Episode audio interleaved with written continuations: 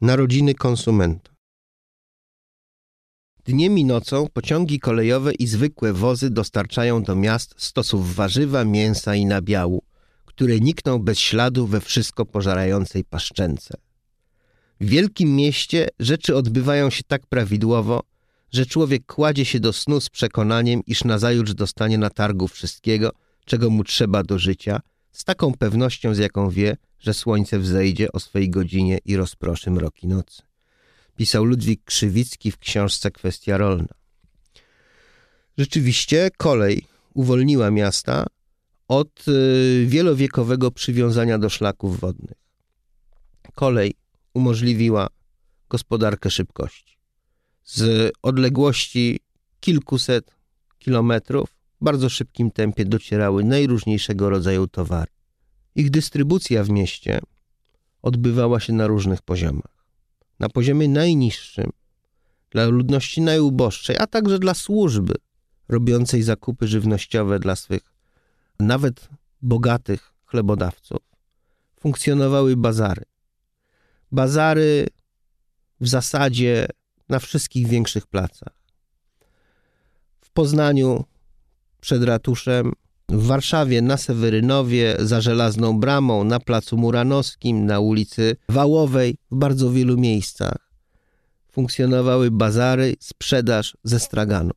Bazary uzupełniał handel obnośny, specjalność szczególnie ludności żydowskiej. W początku XX wieku władze miejskie usiłowały jakoś uporządkować tę bazarową anarchię. W 1902 roku oddano do użytku halę mirowską. Wkrótce potem powstały nowe hale, między innymi hala na koszykach. Miały one zlikwidować handel obnośny i stragany. Tak się jednak nie stało, aż do wybuchu I wojny światowej.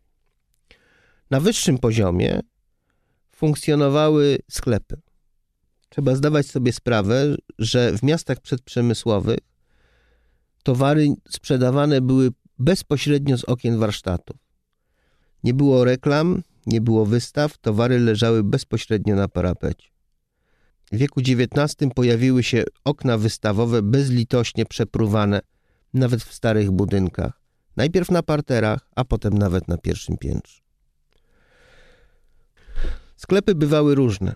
Od małych sklepików, których można było wykłócać się o cenę, co przeważnie kończyło się zresztą spuszczeniem jej o połowę, po sklepy ekskluzywne. Sklepy, których wnętrza przypominały pałace. Ta wystawność miała przekonać klientów o tym, że właściciel jest człowiekiem na poziomie, godnym zaufania i na pewno nie sprzedaje tandety. W początku XX wieku w wielkich miastach polskich pojawiać się zaczęły domy towarowe. Duże przestrzenie, duże budynki, wiele różnego rodzaju stoisk, a wszystkie należące do jednego przedsiębiorstwa. Pomysł przyszedł z Paryża. Nowe domy towarowe to nowy sposób handlu. Klienci to nie tylko ci, którzy muszą sobie coś kupić.